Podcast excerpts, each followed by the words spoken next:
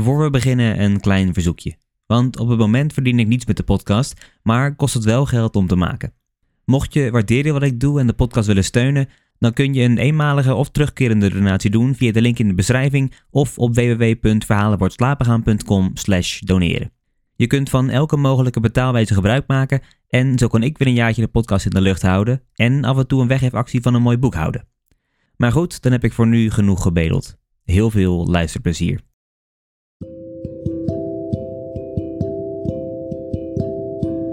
Hallo allemaal en welkom. Mijn naam is Mike en in deze aflevering lees ik het 17e hoofdstuk voor van Multitulies Max Havelaar. Dit is Verhalen voor het slapen gaan.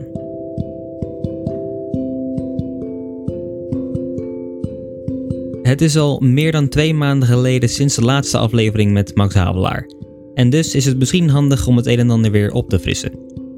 Het begon allemaal bij de zelf ingenomen droogstoppel. De makelaar in koffie die woont op de Lauriersgracht nummer 37. Hij ontmoet Sjaalman, die bij hem komt met een pak papier dat hij uitgegeven wil zien. Droogstoppel gaat akkoord, maar alleen als Stern het pak mag herschrijven. En Droogstoppel zelf ook af en toe een hoofdstuk toe mag voegen. Vervolgens lezen we met Stern als verteller het verhaal van Max Havelaar, de bevlogen assistent-resident van Lebak, die alles doet om een einde te brengen aan de onderdrukking van de Javaan.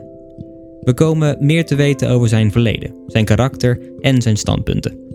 Zo geeft hij vaak veel op om minder bedeelden te helpen, wat vaak ten koste gaat van zichzelf. Ook vindt hij de manier waarop Nederlands-Indië bestuurd wordt niet goed, omdat de bestuurders wegkijken voor het onrecht dat de Javanen wordt aangedaan.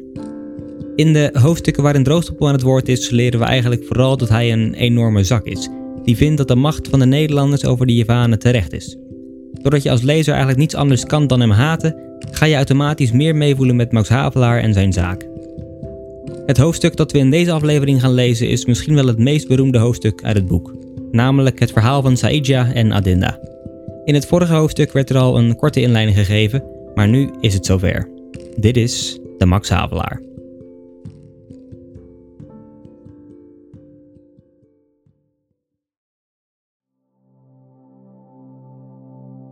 Zeventiende hoofdstuk Saidja's vader had een buffel, waarmede hij zijn veld bewerkte. Toen deze buffel hem was afgenomen door het districtshoofd van Parangkujang, was hij zeer bedroefd en sprak geen woord, vele dagen lang. Want de tijd van ploegen was nabij. En het was te vrezen, als men de Sawani-tijden bewerkte, dat ook de tijd van zaaien zou voorbijgaan. En eindelijk dat er geen padi zou te snijden zijn, om die te bergen in de lombong van het huis. Ik moet hierbij voor lezers die wel Java doch niet Bantam kennen, de opmerking maken dat in deze residentie persoonlijk grondeigendom bestaat, wat elders niet het geval is. Saidja's vader nu was zeer bekommerd.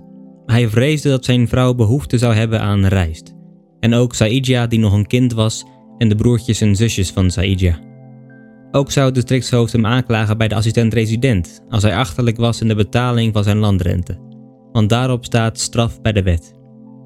Toen nam Saidja's vader een kris die Pusaka was van zijn vader.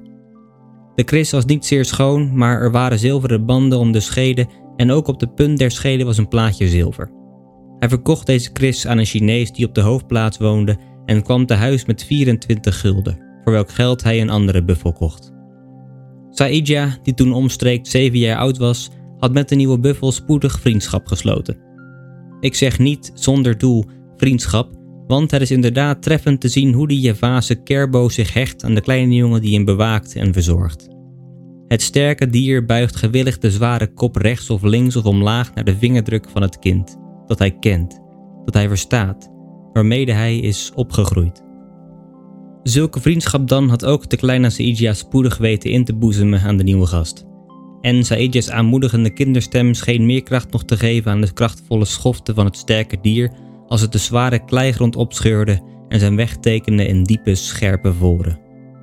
De buffel keerde gewillig om als hij aan het eind was van de akker en verloor geen duimbreed grond bij het terugploegen van de nieuwe voor, die altijd naast de oude lag als ware de sawa een tuingrond geweest, geharkt door een reus.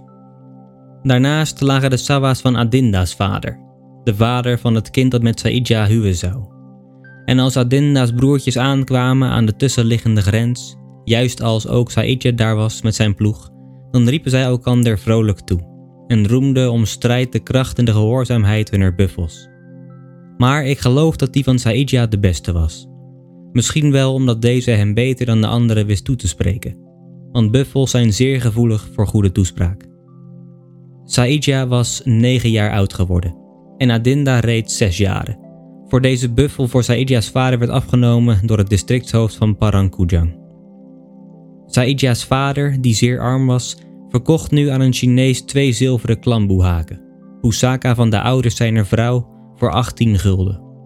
En voor dat geld kocht hij een nieuwe buffel. Maar Saidja was bedroefd.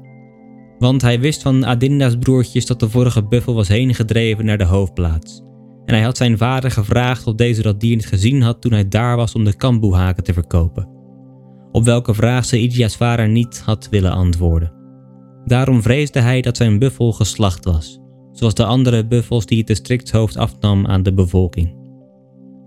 En Saidja schreide veel als hij dacht aan de arme buffel waarmee hij twee jaren zo innig had omgegaan. En hij kon niet eten, lange tijd, want zijn keel was te nauw als hij slikte. Men bedenken dat Saidja een kind was.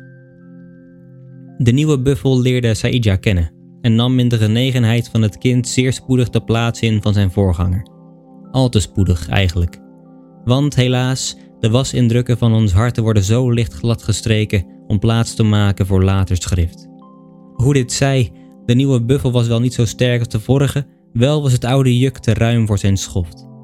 Maar het arme dier was gewillig als zijn voorganger die geslacht was. En al kon dan Saidja niet meer roemen op de kracht van zijn buffel bij het ontmoeten van Adinda's broertjes aan de grens, hij beweerde toch dat geen ander de zijne overtrof in goede wil. En wanneer de voren niet zo rechtlijnig liep als voorheen, of als er aardklonten ondoorgesneden waren omgegaan, werkte hij dat gaarne bij met zijn patjol, zoveel hij kon. Bovendien, geen buffel had een oezer oezeran als de zijne. De Pengulu zelf had gezegd dat er ontong was in de loop van die haarwervels op de achterschoften. Eens in het veld riep Saidja tevergeefs zijn buffel toe om wat spoed te maken. Het dier stond pal. Saidja, verstoord over zo grote en vooral zo ongewone weerspannigheid, kon zich niet weerhouden een belediging te uiten. Hij riep AS. Ieder die in Indië geweest is, zal mij verstaan. En wie me niet verstaat, wint erbij dat ik hem de uitlegging spaar van een grove uitdrukking. Saidja bedoelde evenwel niets kwaads daarmede. Hij zei het maar omdat hij het zo dikwijls had horen zeggen door anderen, als ze ontevreden waren over hun buffels. Maar hij had het niet behoeven te zeggen, want het baatte niets. Zijn buffel deed geen stap verder. Hij schudde de kop als om het juk af te werpen. Men zag de adem uit zijn neus gaten. Hij blaasde, sidderde, rilde. Er was angst in zijn blauw oog en de bovenlip was opgetrokken zodat het tandvlees bloot lag. Vlucht, vlucht, riepen op eenmaal Adinda's broertjes. Saidja, vlucht, daar is een tijger. En alle ontdeden hun buffels van de ploegjukken en slingerden zich op de brede ruggen en galoppeerden weg door de sawa's, over galangans, door modder, door kreupelhout en bos en allang-allang langs velden en wegen. En toen ze hijgend en zwetend binnenrenden in het dorp Badur, was Saidja niet bij hen. Want toen deze zijn buffel bevrijd van het juk had bestegen als de andere om te vluchten als zij, had een onverwachte sprong van het dier met evenwicht benomen en ter aarde geworpen. De tijger was zeer na. Saidja's buffel, voortgedreven door eigen vaart, schoot enige sprongen voorbij de plek waar zijn kleine meester de dood wachtte. Maar door eigen vaart alleen en niet door eigen wil was het dier verder gegaan dan Saidja. Want nauw had het de stuwing overwonnen die alle stof beheerst, ook na het ophouden van de oorzaak die haar voortstuwde of het keerde terug, zette zijn lomp lijf op zijn lompe poot als een dak over het kind en keerde zijn gehoorde kop naar de tijger. Deze sprong, maar hij sprong voor het laatst. De buffel ving hem op zijn hoornen en verloor slechts wat vlees dat de tijger hem uitsloeg aan de hals. De aanvaller lag daar met opgescheurde buik en Saidja was gered. Wel was er ontong geweest in de oezer oezeran van die buffel. Toen deze buffel aan Saidja's vader was afgenomen en geslacht. Ik heb u gezegd, lezer, dat mijn verhaal eentonig is. Toen deze buffel geslacht was, telde Saidja twaalf jaar en Adinda weefde sarongs en batikte die met puntige kappala. Ze had reeds gedachten te brengen in de loop van haar verfschuitje en ze tekende droefheid op haar weefsel, want ze had Saidja zeer treurig gezien. En ook Saidja's vader was bedroefd, doch zijn moeder het meest. Deze toch had de wonde genezen aan de hals van het trouwe dier dat haar kind ongedeerd had thuisgebracht, nadat zij op de maren van Adinda's broertjes gemeend had dat het was weggevoerd door de tijger. Ze had die wond zo dikwijls bezien met de gedachte hoe diep de klauw die zo ver indrong in de ruwe vezelen van de buffel zou voortgedreven zijn in het weke lijf van haar kind. En telkens als ze verse geneeskruiden had gelegd op de wonden, streelde zij de buffel en sprak hem enige vriendelijke woorden toe, dat het goede, trouwe dier toch weten zou hoe dankbaar een moeder is. Ze hoopte later dat de buffel haar toch mocht verstaan hebben, want dan had hij ook haar schreien begrepen toen hij werd weggevoerd om geslacht te worden. En hij had geweten dat het niet Saidja's moeder was die hem slachten liet. Enige tijd daarna vluchtte Saidja's vader uit het land. Want hij was zeer bevreesd voor de straf als hij zijn landrente niet betalen zou. En hij had geen pusaka meer om een nieuwe buffel te kopen. Daar zijn ouders altijd in Parangkujang woonden en hem dus weinig hadden nagelaten. Ook de ouders van zijn vrouw woonden altijd in hetzelfde district. Na het verlies van de laatste buffel hield hij zich nog enige jaren staande door te werken met gehuurde ploegdieren. Maar dit is een zeer ondankbare arbeid. En bovenal verdrietig voor iemand die in het bezit van eigen buffels geweest is. Saidja's moeder stierf van verdriet. En toen maakte zijn vader in een moedeloos ogenblik zich weg uit Lebak en uit Bantam, om werk te zoeken in het buitenzorgse. Hij werd met rottingslagen gestraft omdat hij Lebak verlaten had zonder pas en door de politie teruggebracht naar Padour. Hier werd hij in de gevangenis geworpen, omdat men hem voor krankzinnig hield. Wat zo onverklaarbaar niet zou geweest zijn, en omdat men vreesde dat hij in een ogenblik van Mataklap misschien amok maken of andere verkeerdheden begaan zou. Maar hij was niet lang gevangen, terwijl hij kort daarop stierf. Wat er geworden is van de broertjes en zusjes van Saidja weet ik niet. Het huisje dat zij bewoonde te Badour stond enige tijd ledig. En spoedig viel het in, daar het slechts van bamboe gebouwd was en gedekt met atap. Een weinig stof en vel dekte de plek waar veel geleden werd. Er zijn veel zulke plekken in Lebak. Saidja was reeds 15 jaar toen zijn vader naar buitenzorg vertrok. Hij had deze niet daarheen vergezeld omdat hij groter plannen in zijn gemoed omdroeg. Men had hem gezegd dat er te Batavia zoveel heren waren die in bendies reden en dat er dus misschien voor hem een dienst zou te vinden zijn als bendyjongen, waartoe men gewoonlijk iemand kiest die nog jong is en onvolwassen, om niet door te veel zwaarte achter op het tweewielig rijtuig het evenwicht te breken. Er was, had men hem verzekerd, bij goed gedrag veel te winnen in zodanige bediening. Misschien zelfs zou hij op deze wijze binnen drie jaren geld kunnen oversparen, genoeg om twee buffels te kopen. Dit vooruitzicht lachte hem toe. Met vierde tred, zoals iemand gaat die grote zaken in de zin heeft, trad hij na het vertrek zijn vaders bij Adinda binnen en deelde haar zijn plan mede. Denk eens, zeide hij, als ik wederkom zullen wij oud genoeg zijn om te trouwen en we zullen twee buffels hebben. Heel goed, Saidja. Ik wil gaarne met je trouwen als je terugkomt. Ik zal spinnen en sarongs en slendangs weven en batikken en heel vlijtig zijn al die tijd. Oh, ik geloof je, Adinda. Maar als ik je getrouwd vind? Saidja, je weet immers wel dat ik met niemand trouwen zal. Mijn vader heeft me toegezegd aan uw vader. En jijzelf? Ik zal trouwen met u. Wees daar zeker van. Als ik terugkom, zal ik roepen in de verte. Wie zal dat horen als we rijstampen in het dorp? Dat is waar, maar Adinda? Oh ja, dit is beter. Wacht me bij het Jati-bos, onder de ketapan waar je mij de malatti hebt gegeven. Maar Saidja, hoe kan ik weten wanneer ik moet heen gaan om je te wachten bij de ketapan? Saidja bedacht zich een ogenblik en zeide: Tel de manen. Ik zal uitblijven driemaal twaalf manen. Deze maan rekent niet mee. Zie, Adinda, kerf een streep in je reisblok bij elke nieuwe maan. Als je driemaal twaalf strepen hebt ingesneden, zal ik de dag die daarop volgt aankomen onder de ketapan. Beloof je daar te zijn? Ja, Saidja, ik zal onder de ketapan bij het Jati-bos wezen als je terugkomt. Nu scheurde Saidja een strook van zijn blauwe hoofddoek, die zeer versleten was, en hij gaf dat stukje lijnwaad aan Adinda, dat ze het bewaren zou als een pand. En toen verliet hij haar en Badur. Hij liep vele dagen voort. Hij ging Rangas Petung voorbij, dat nog niet de hoofdplaats was van Lebak, en Warung Gunung, waar toen de assistent-resident woonde, en de volgende dag zag hij Pandek lang dat daar ligt als in een tuin. Weder een dag later kwam hij te Serang aan en stond verbaasd over de pracht van zulke grote plaats met vele huizen, gebouwd van steen en gedekt met rode pannen. Saidja had nog nooit zoiets gezien. Hij bleef daar een dag omdat hij vermoeid was, maar s'nachts in de koelte ging hij verder en kwam tot Tangerang de volgende dag voor nog de schaduw gedaald was tot zijn lippen, hoewel hij de grote toedoen droeg die zijn vader hem had achtergelaten.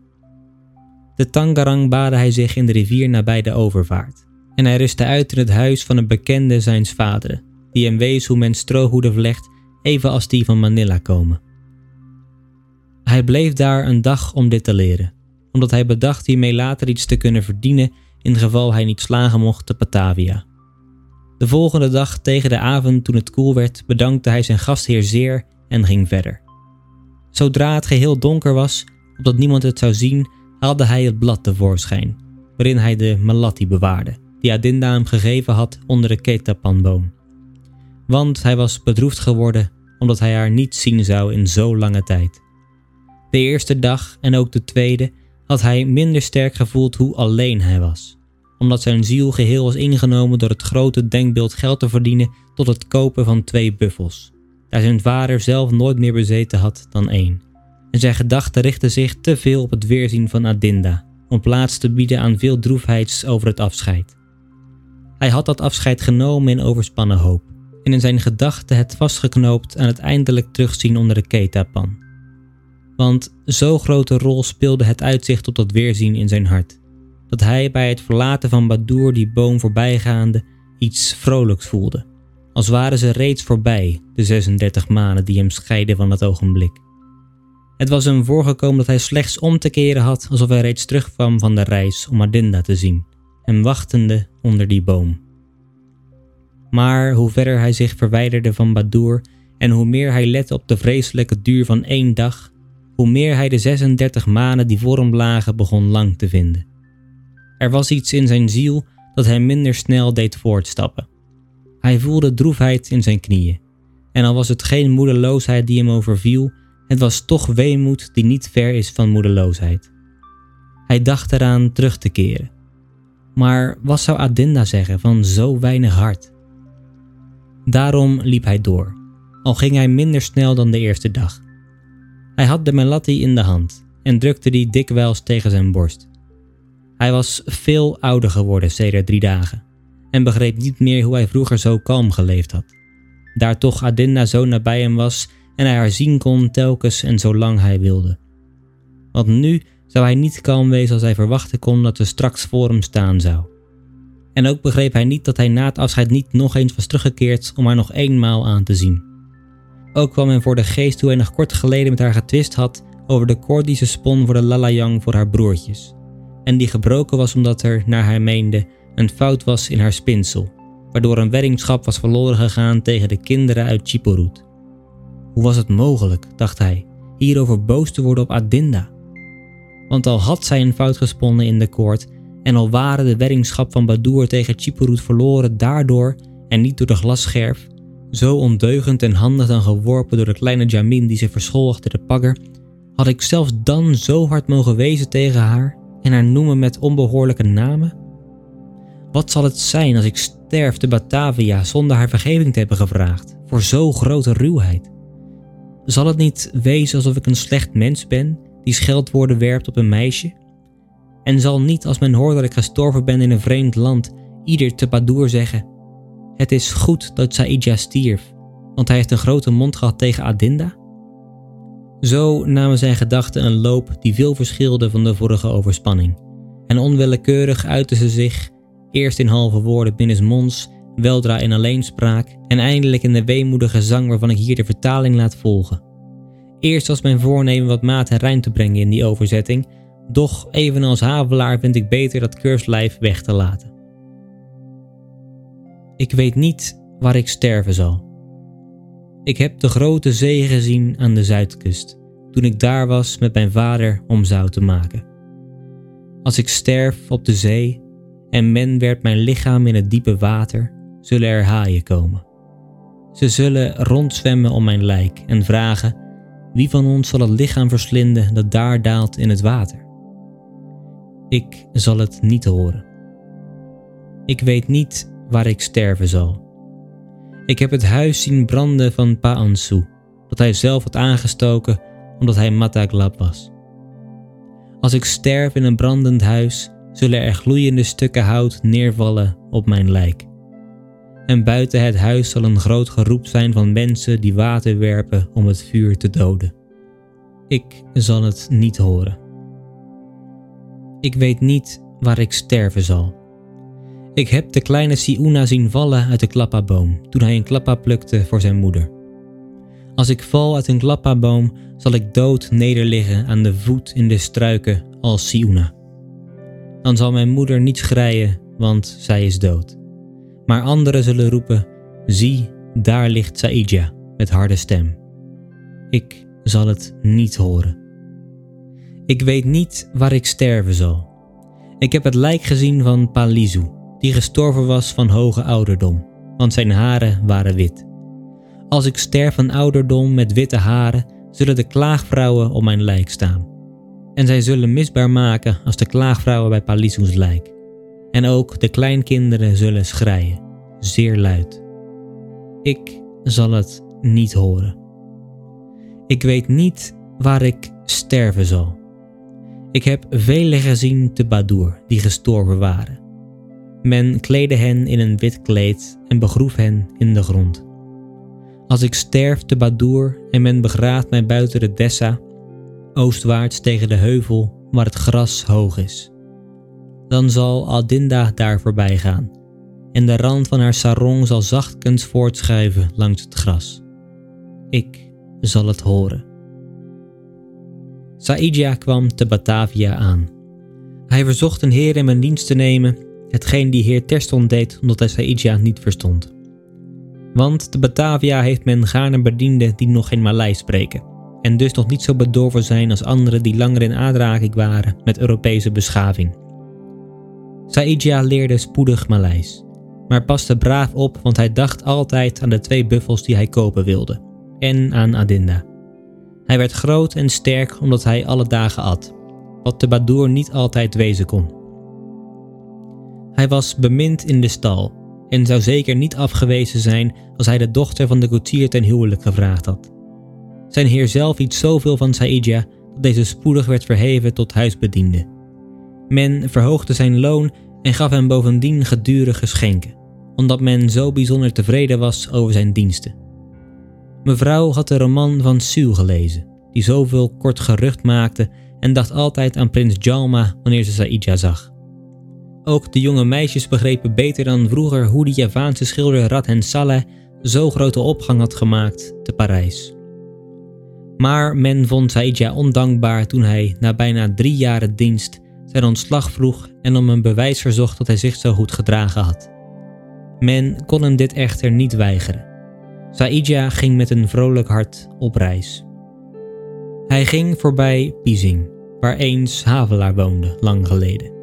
Maar dit wist Saidja niet. En al had hij het geweten, hij droeg heel iets anders in de ziel dat hem bezig hield. Hij telde de schatten die hij thuis bracht. In een bamboezen rol had hij zijn pas en het getuigschrift van goed gedrag. In een koker die aan een lederen riem bevestigd was, scheen iets zwaars gedurig te slingeren tegen zijn schouder maar hij voelde dit gaarne. Ik geloof het wel. Daarin waren dertig Spaanse matten, genoeg om drie buffels te kopen. Wat zou Adinda zeggen? En dit was nog niet alles. Op zijn rug zag men de met zilver beslagen scheden van een kris die hij in de gordel droeg. Het gevest was zeker van fijn uitgestede kamoening, want hij had het met veel zorg gewikkeld in een zijden omhulsel. En hij bezat nog meer schatten, in de wrong van de kahin om zijn ledenen bewaarde hij een buikband van brede zilveren schakels, met gouden ikat pendien. Het is waar dat de band kort was, maar ze was zo slank. Adinda. En aan een koordje om de hals onder zijn voorbaju droeg hij een zijden zakje, waarin enige verdroogde melatti. Was het wonder dat hij te Tangerang zich niet langer ophield dan nodig was tot het bezoeken van de bekende zijns vaders, die zo fijne strohoeden vlocht? Was het wonder dat hij weinig zeide tot de meisjes op zijn weg die hem vroegen: Waarheen, van waar? Zoals de groet is in die streken. Was het wonder dat hij Serang niet meer zo voornaam vond, hij die Batavia had leren kennen? Dat hij niet meer wegkroop in de pagger, zoals hij deed voor drie jaren toen de resident kwam voorbijrijden? Hij die de veel grotere heer had gezien, die te buitenzorg woont en de grootvader is van de Suzu Hunan van Solo?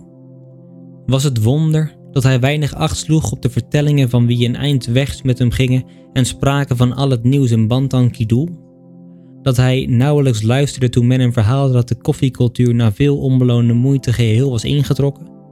Dat het districtshoofd van Parangkujang wegens roof op de publieke weg was veroordeeld tot 14 dagen arrest ten huize van zijn schoonvader? Dat de hoofdplaats was verlegd naar Rangas Batu dat er een nieuwe assistent-resident gekomen was, omdat de vorige was gestorven enige maanden geleden. Hoe die nieuwe beambte gesproken had op de eerste SEBA-vergadering. Hoe er sedert enige tijd niemand was gestraft wegens klachten en hoe men onder de bevolking hoopte dat al het gestolene zou worden weergegeven of vergoed? Nee, schoner beelden vertoonden zich voor het oog zijner ziel. Hij zocht de ketapanboom in de wolken, te ver nog als hij was om die te zoeken bij Badur.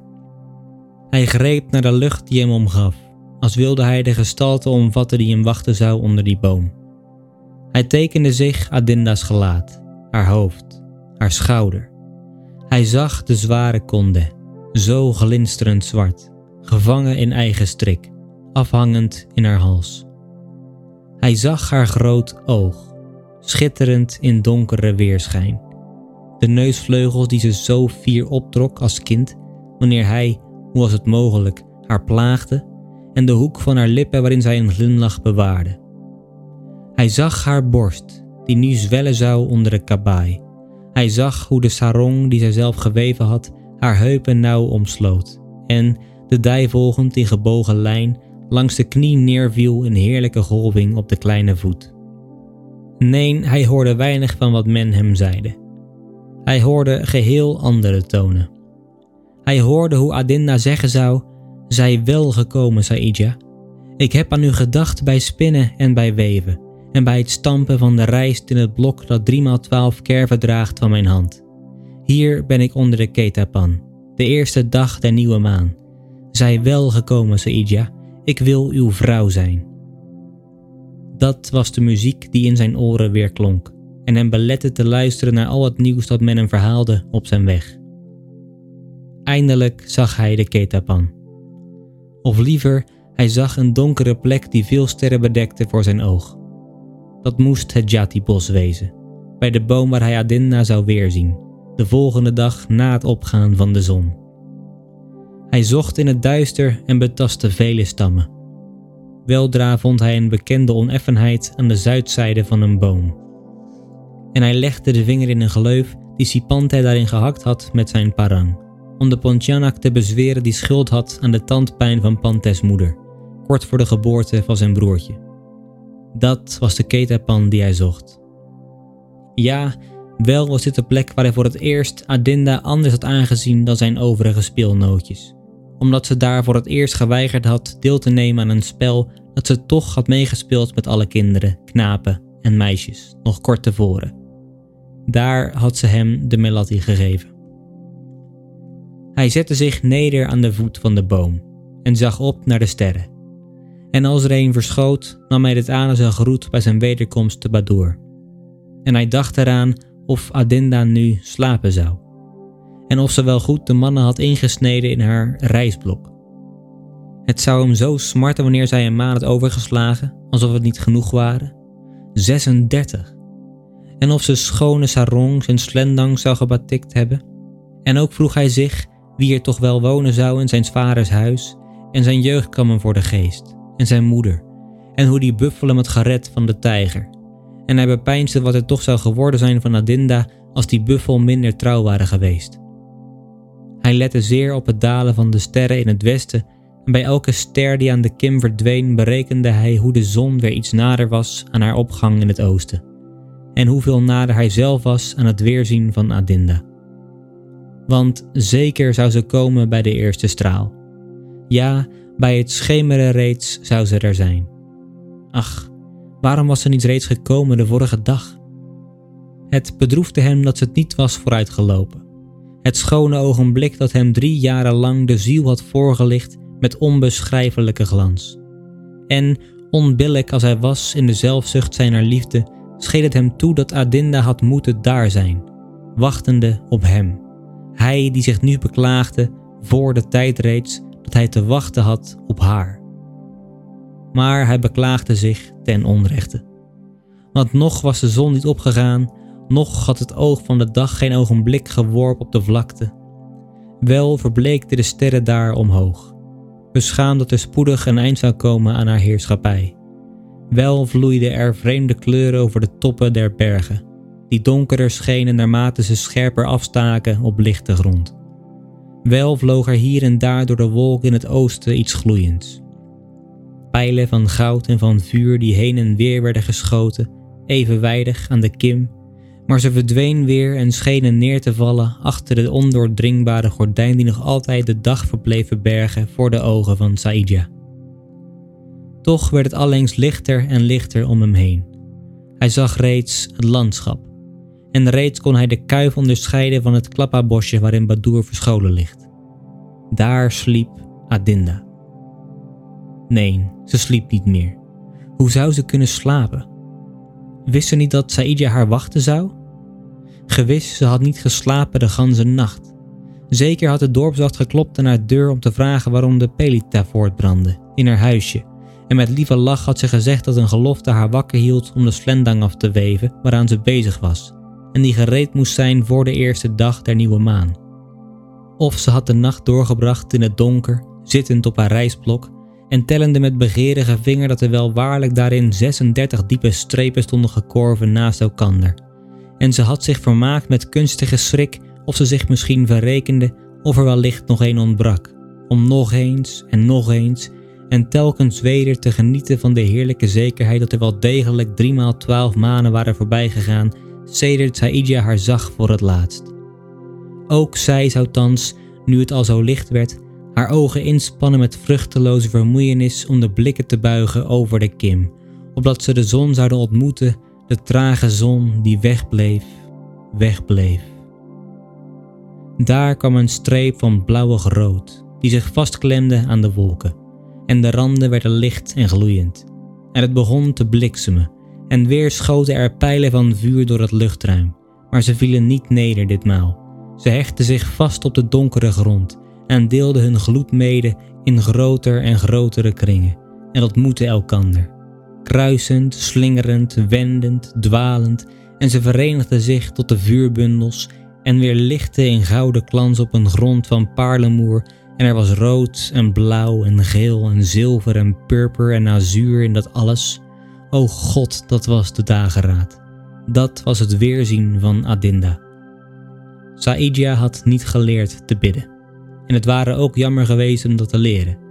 Want heiliger gebed en vuriger dank dan er lag in de sprakeloze opgetogenheid zijner ziel was niet te vatten in menselijke taal.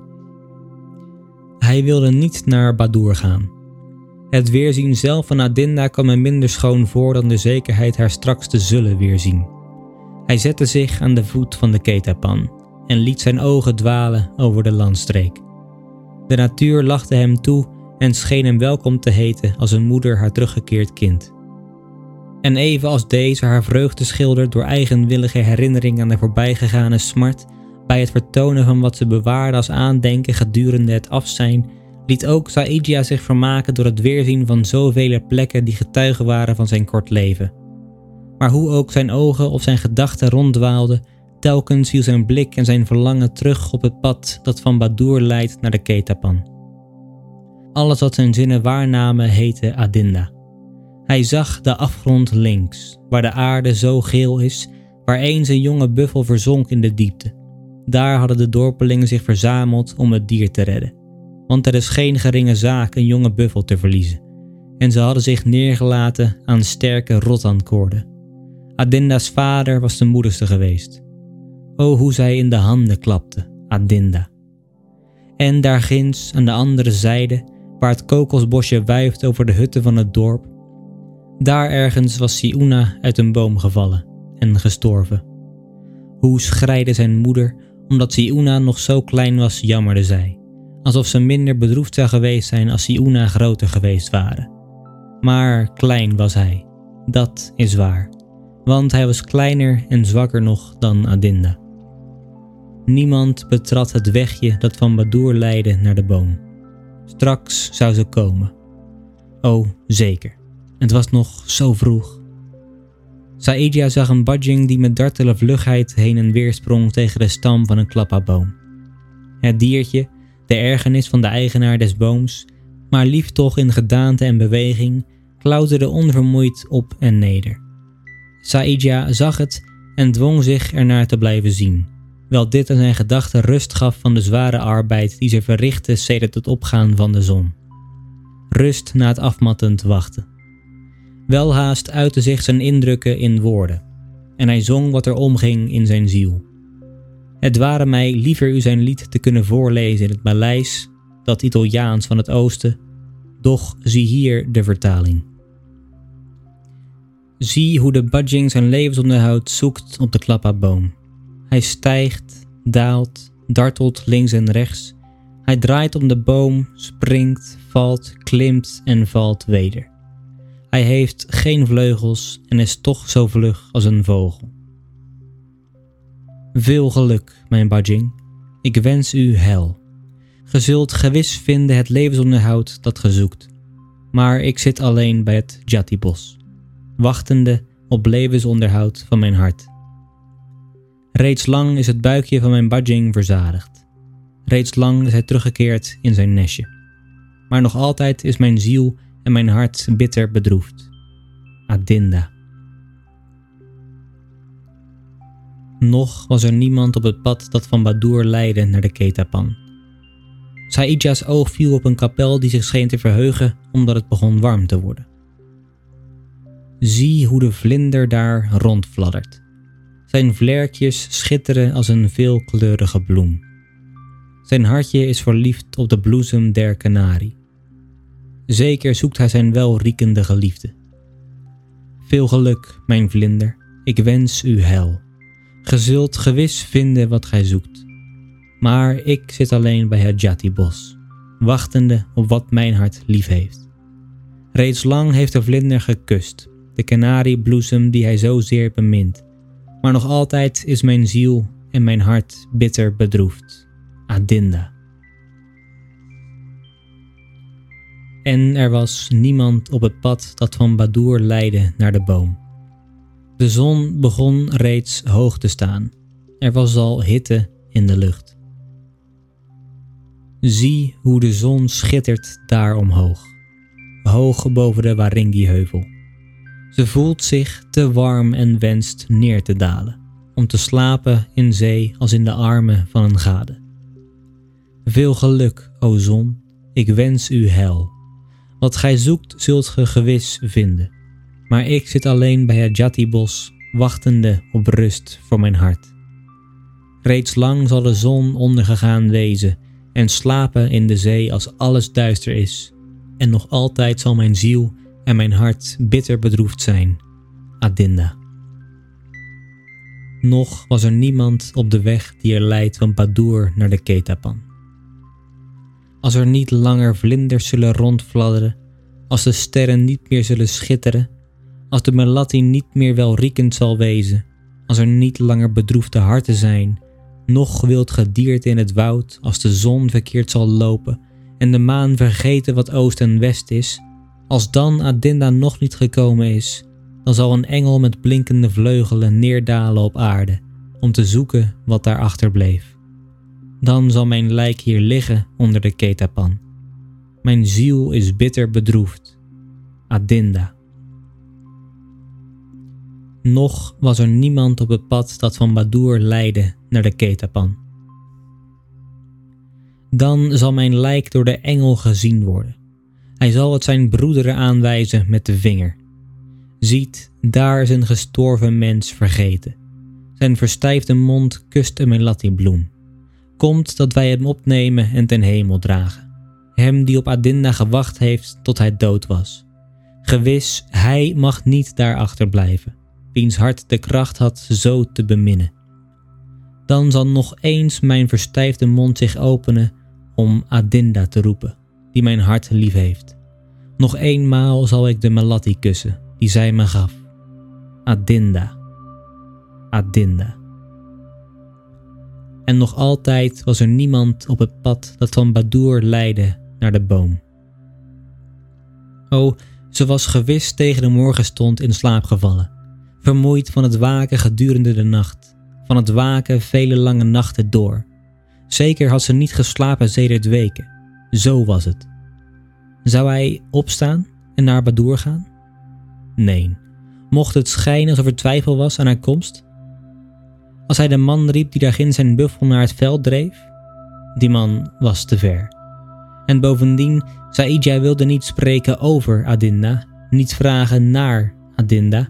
Hij wilde haar weerzien. Haar het eerst. O, zeker, zeker zou ze nu spoedig komen. Hij zou wachten. Wachten. Maar als ze ziek was? Of dood? Als een aangeschoten hert vloog Saidja het pad op dat van de Ketapan leidt naar het dorp waar Adinda woonde.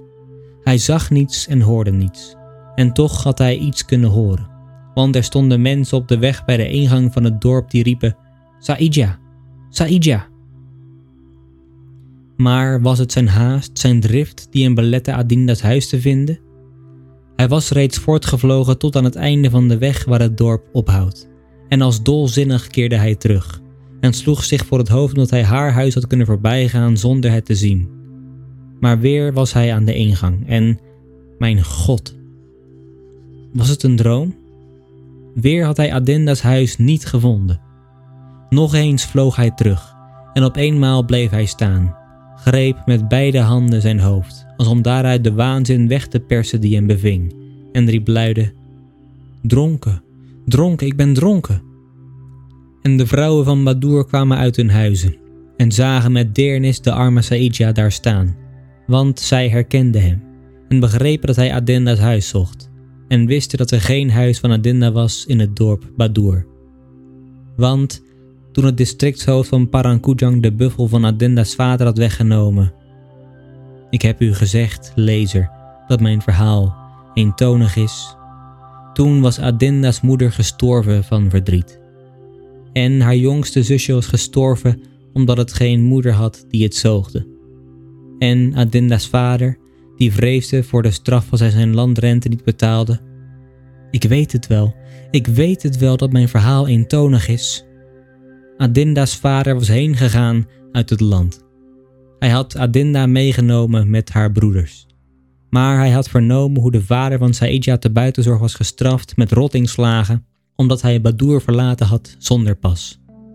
En daarom was Adinda's vader niet gegaan naar buitenzorg, noch naar Krawang, noch naar de Preanger, noch naar de Bataviaanse ommelanden. Hij was gegaan naar Chilangkahan, het district van Labak dat aan de zee grenst.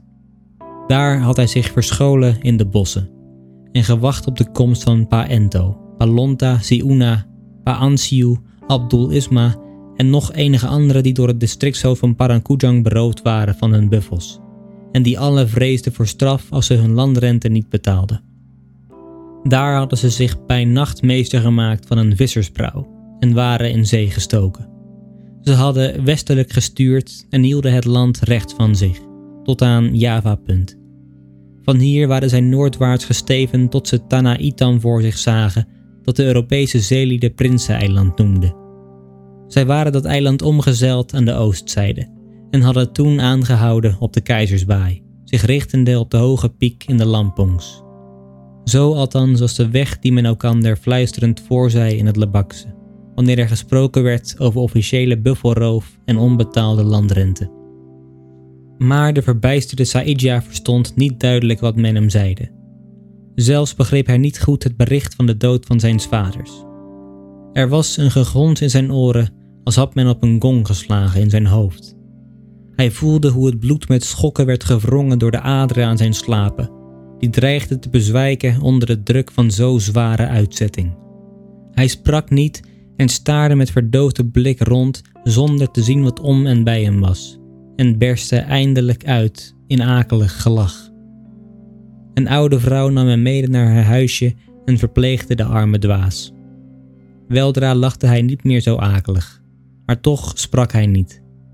Alleen s'nachts werden de hutgenoten opgeschrikt door zijn stem, als hij toonloos zong: Ik weet niet waar ik sterven zal. En enige bewoners van Badur legden geld tezamen om een offer te brengen aan de Bowajia's van de Chiujung voor de genezing van Saidja, die men voor zinneloos hield. Maar zinneloos was hij niet. Want eens bij nacht, toen de maan helder lichtte, stond hij op van de Balai en verliet zachtkens het huis en zocht naar de plek waar Adinda gewoond had. Het was niet gemakkelijk die te vinden, omdat er zoveel huizen waren ingestort. Doch hij scheen de plaats te herkennen aan de wijdte van de hoek die sommige lichtlijnen door het geboomte vormden bij haar ontmoeting in zijn oog, zoals de zeeman peiling neemt op vuurtorens of uitstekende bergpunten.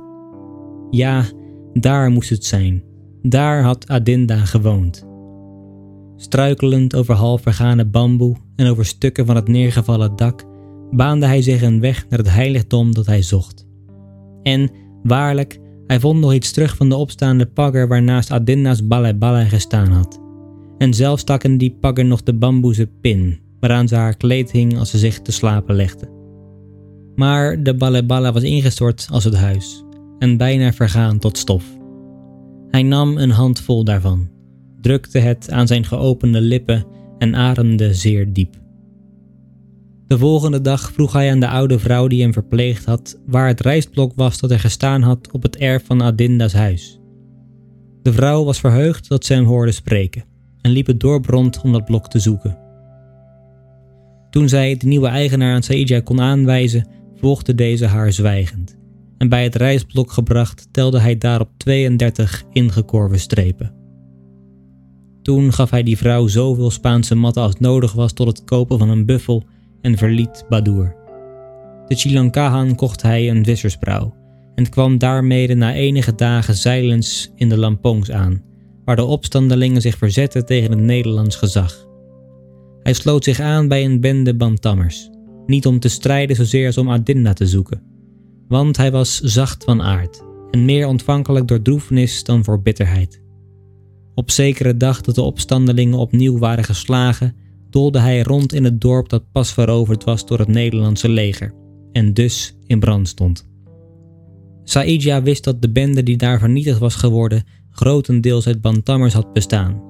Als een spook waarde hij rond in de huizen die nog niet geheel verbrand waren en vond het lijk van Adinda's vader met een klewang bajonetwonde in de borst.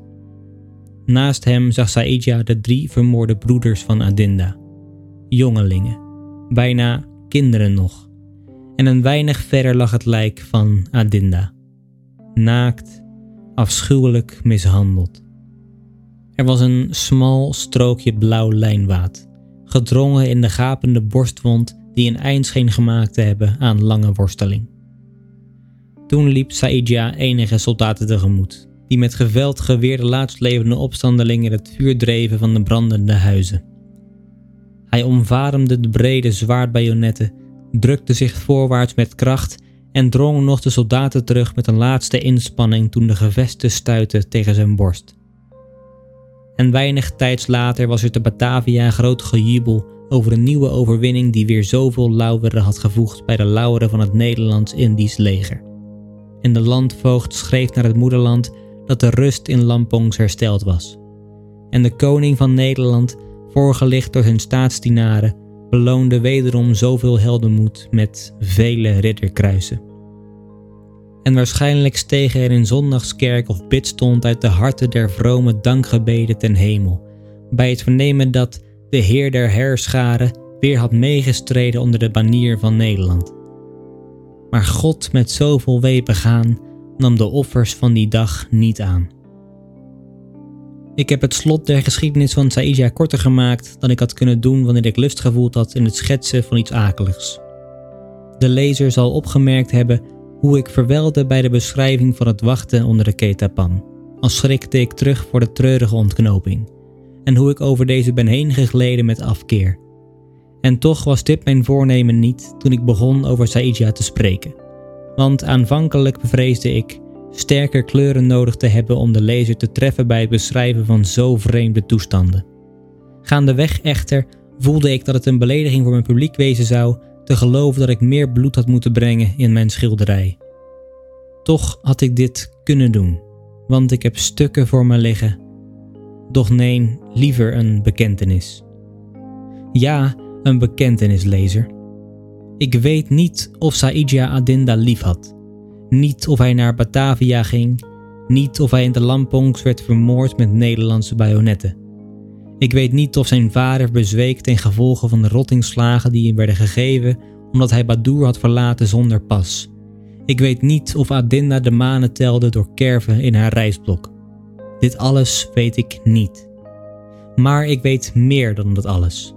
Ik weet en kan bewijzen dat er veel Adinda's waren en veel Saidja's. En dat wat verdichtsel is in het bijzonder waarheid wordt in het algemeen. Ik zeide reeds dat ik de namen kan opgeven van personen die, zoals de ouders van Saidja en Adinda, door onderdrukking werden verdreven uit hun land. Het is mijn doel niet in dit werk mededelingen te geven als voegen zouden voor een vierschaar die uitspraak te doen had over de wijze waarop het Nederlands gezag in Indië wordt uitgeoefend. Mededelingen die slechts kracht van bewijs zouden hebben voor wie het geduld had die met aandacht en belangstelling door te lezen, zoals niet verwacht kan worden van een publiek dat verstrooiing zoekt in zijn lectuur. Daarom heb ik, in plaats van dorre namen van personen en plaatsen met de dagtekening erbij, in plaats van een afschrift der lijst van diefstallen en afpersingen die voor me ligt, getracht een schets te geven van wat er kan omgaan in de harten der arme lieden die men berooft van wat dienen moet tot onderhoud van hun leven. Of zelfs, ik heb dit slechts laten gissen, vrezende mij te zeer te bedriegen in het tekenen der omtrekken van aandoeningen die ik nooit ondervond. Maar wat de hoofdzaak aangaat, o dat ik opgeroepen werde om te staven wat ik schreef. O dat men zeide, ge hebt die Saidja verdicht. Hij zong nooit dat lied. Er woonde geen Adinna te Badoer. Maar dat het gezegd werd met de macht en de wil om recht te doen, zodra ik zou bewezen hebben geen lasteraar te zijn. Is er logen in de gelijkenis van de barmhartige Samaritaan, omdat er misschien nooit een geplunderd reiziger is opgenomen in een Samaritaans huis? Is er logen in de parabel van de zaaier, omdat er geen landbouwer zijn zaad zal uitwerpen op een rots? Of, om af te dalen tot meer gelijkheid met mijn boek, mag men de waarheid ontkennen die de hoofdzaak uitmaakt van een negerhut, omdat er misschien nooit een evangeline bestaan heeft? Zal men tot de schrijfster van het onsterfelijk pleidooi, onsterfelijk niet om kunst of talent, maar door strekking en indruk, zal men tot haar zeggen: Ge hebt gelogen, de slaven worden niet mishandeld, want er is onwaarheid in uw boek, het is een roman? Moest niet ook zij, in plaats einer optelling van dorre daadzaken, een verhaal geven dat die daadzaken inkleden, om het besef der behoefte aan verbetering te doen doordringen in de harten? Zou haar boek gelezen zijn als het daaraan de vorm had gegeven van een processtuk? Is het haar schuld, of de mijne, dat de waarheid om toegang te vinden zo vaak het kleed moet borgen van de leugen? En aan sommigen die misschien beweren dat ik Saidja en zijn liefde heb geïdealiseerd, moet ik vragen hoe ze dit weten kunnen. Slechts zeer weinig Europeanen immers achten het de moeite waard zich neer te buigen tot waarneming der aandoeningen van de koffie- en suikerwerktuigen die men inlanders noemt. Doch al waren hun aanmerkingen gegrond, wie zulke bedenkingen aanvoert als bewijs tegen de hoofdstekking van mijn boek, geeft mij een grote zegepraal. Want ze luiden, vertaald, het kwaad dat gij bestrijdt, bestaat niet, of niet in zo hoge maat, omdat de inlander niet is als uw Saidja. Er ligt in de mishandeling der Javanen geen zo groot kwaad als daarin liggen zou wanneer uw Saidja juist er getekend had. De Soendanee zingt zulke liederen niet, bemin zo niet, gevoelt zo niet en dus... Nee, minister van Koloniën, nee, gouverneurs-generaal in rusten, niet dat hebt gij te bewijzen. Ge hebt te bewijzen dat de bevolking niet mishandeld wordt, onverschillig of er sentimentele Saïdja's onder die bevolking zijn. Of zou het gedurven beweren buffels te mogen stelen van lieden die niet beminnen, die geen droefgeestige liedjes zingen, die niet sentimenteel zijn? Bij een aanval op letterkundig gebied zou ik de juistheid der tekening van Saidja verdedigen. Maar op staatkundige bodem geef ik terstond alle aanmerkingen op die juistheid gewonnen, om te beletten dat de grote vraag wordt verplaatst op verkeerd terrein. Het is me geheel om het even of men mij houden voor een onbekwaam schilder, mits men mij toegeven dat de mishandeling van de inlander is verregaand. Zo toch luidt het woord op de nota des voorgangers van Havelaar, die door deze getoond werd aan de controleur Verbrugge. Een nota die voor me ligt. Maar ik heb andere bewijzen. En dit is gelukkig, want ook Havelaars voorganger kon zich vergist hebben. Helaas, als hij zich vergiste, werd hij door die vergissing zeer hard gestraft. Hij is vermoord.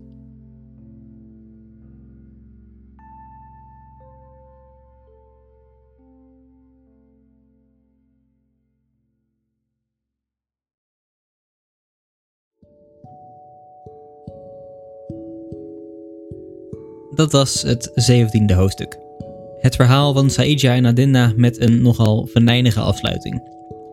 In het verhaal lezen we hoe keer op keer buffels worden ingenomen van de families, waardoor de families van Saidja en Adinda langzaam uiteenvallen. Saidja gaat op reis om in Batavia geld te verdienen voor buffels en om terug te keren bij Adinda. Eenmaal terug in Badoer blijkt echter dat ook Adinda's familie weg moest om te overleven, en uiteindelijk zijn overleden door het Nederlandse leger. Als ik het me goed kan herinneren, werd het hoofdstuk in eerste instantie los vertaald en uitgegeven in Nederlands-Indië, waar men het verhaal omarmde, omdat het natuurlijk heel goed de pijn en onderdrukking van de Javaan laat zien. De verteller sluit af door te zeggen dat het verhaal compleet verzonnen is en dat Saidja en Adinda niet bestaan. Je zou misschien denken dat dit het hele verhaal teniet doet, maar op een rare manier werkt het juist versterkender. Zo zegt de verteller dat deze Saidja en Adinda niet bestaan maar wel dat er vele andere verschillende Saidjas en Adinda's bestaan. En dat hij het in deze vorm van het verhaal heeft opgeschreven om juist tot de mensen door te dringen. Immers, als hij het dus allemaal droge feit had opgeschreven, had niemand het gelezen. En had de ernst van de hele zaak op Java niet tot de lezer doorgedrongen. Het is dus juist in deze leugen dat de waarheid naar boven komt. Tot slot wil ik het nog kort hebben over één zin die veel stof heeft doen opwaaien. In deze zin heeft hij het namelijk over een dorp dat pas veroverd was door het Nederlandse leger en dus in brand stond. Het gaat hier specifiek om het woordje dus. Met dit ene kleine woordje impliceert hij dat het Nederlandse leger de oorzaak was van de brand. En dus beschuldigt hij Nederland. Stel je bent een Nederlander in 1860. Je woont vrolijk in je dorp en je stad en je leest ineens deze zin, waaruit blijkt dat jouw land ergens op Java de oorzaak is van branden moord en onderdrukking. Ik denk dat dat best wel binnenkomt. Ik weet niet waarom precies, maar ik vind het heel bijzonder hoe je met één zin en één woord zoveel kunt zeggen. We hebben nu nog maar drie hoofdstukken te gaan. We gaan zien hoe de Max Havelaar tot een einde wordt gebracht en hoe Multatuli zelf de pen opneemt om de koning aan te spreken. Voor ik afsluit nog één dingetje. Het luisteren van de podcast is gratis, maar het maken is dat niet. Natuurlijk vind ik het hartstikke leuk om te doen. Maar mocht je bij willen dragen aan de verbetering van zowel de inhoud als de kwaliteit van de podcast, dan kan dat via PayPal of Kofi. De link daarvoor staat in de beschrijving. En een deel van de donaties komt ook weer bij jullie terug in de vorm van bijvoorbeeld giveaways en andere leuke prijzen. Ik wil jullie hartstikke bedanken voor het luisteren naar deze podcast. Voor achter de schermen, updates, vragen of opmerkingen kun je me vinden op Instagram en Facebook onder de naam Verhalen het slapen gaan. En dan zie, slash hoor ik jullie volgende week. Voor nu, goede nacht, slaap zacht.